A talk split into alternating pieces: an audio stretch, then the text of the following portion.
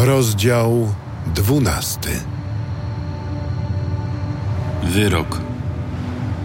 Słowo Pana o Izraelu.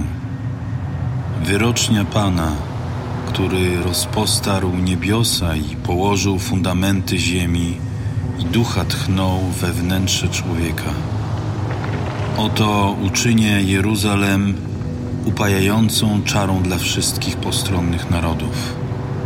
Na Judę również ześlę doświadczenie w czasie oblężenia Jeruzalem. W owym dniu uczynię Jeruzalem ciężkim głazem dla wszystkich ludów. Każdy, kto go spróbuje podnieść, dotkliwie się pokaleczy.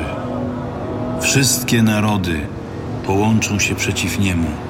W owym dniu wyrocznia Pana porażę każdego konia trwogą, a jeźdźca obłędem.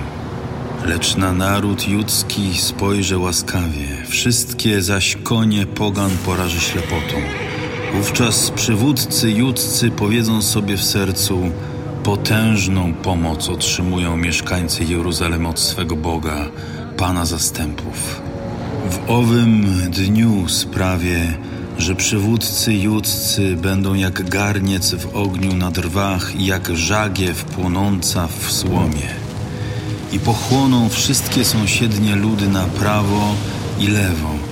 Jeruzalem jednak pozostanie nadal na swoim miejscu. Najpierw wesprze Pan rody judzkie, aby sława domu Dawida i sława mieszkańców Jeruzalem nie przewyższała Judy. W owym dniu Pan będzie obroną mieszkańców Jeruzalem, a każdy z nich, kto jest słaby, będzie jak Dawid, a dom Dawida jak bóstwo, jak anioł pański na ich czele. W owym dniu sprawię, że wszystkie ludy, które targnęły się na Jeruzalem, będą wytracone. Na dom Dawida i na mieszkańców Jeruzalem wyleje ducha łaski przebłagania. Będą patrzeć na tego, którego przebili, i boleć będą nad nim, jak się boleje nad jedynakiem, i płakać będą nad nim, jak się płacze nad pierworodnym. W owym dniu będzie wielki płacz w Jeruzalem, podobny do płaczu w Hadat Rimmon na równinie Megiddo.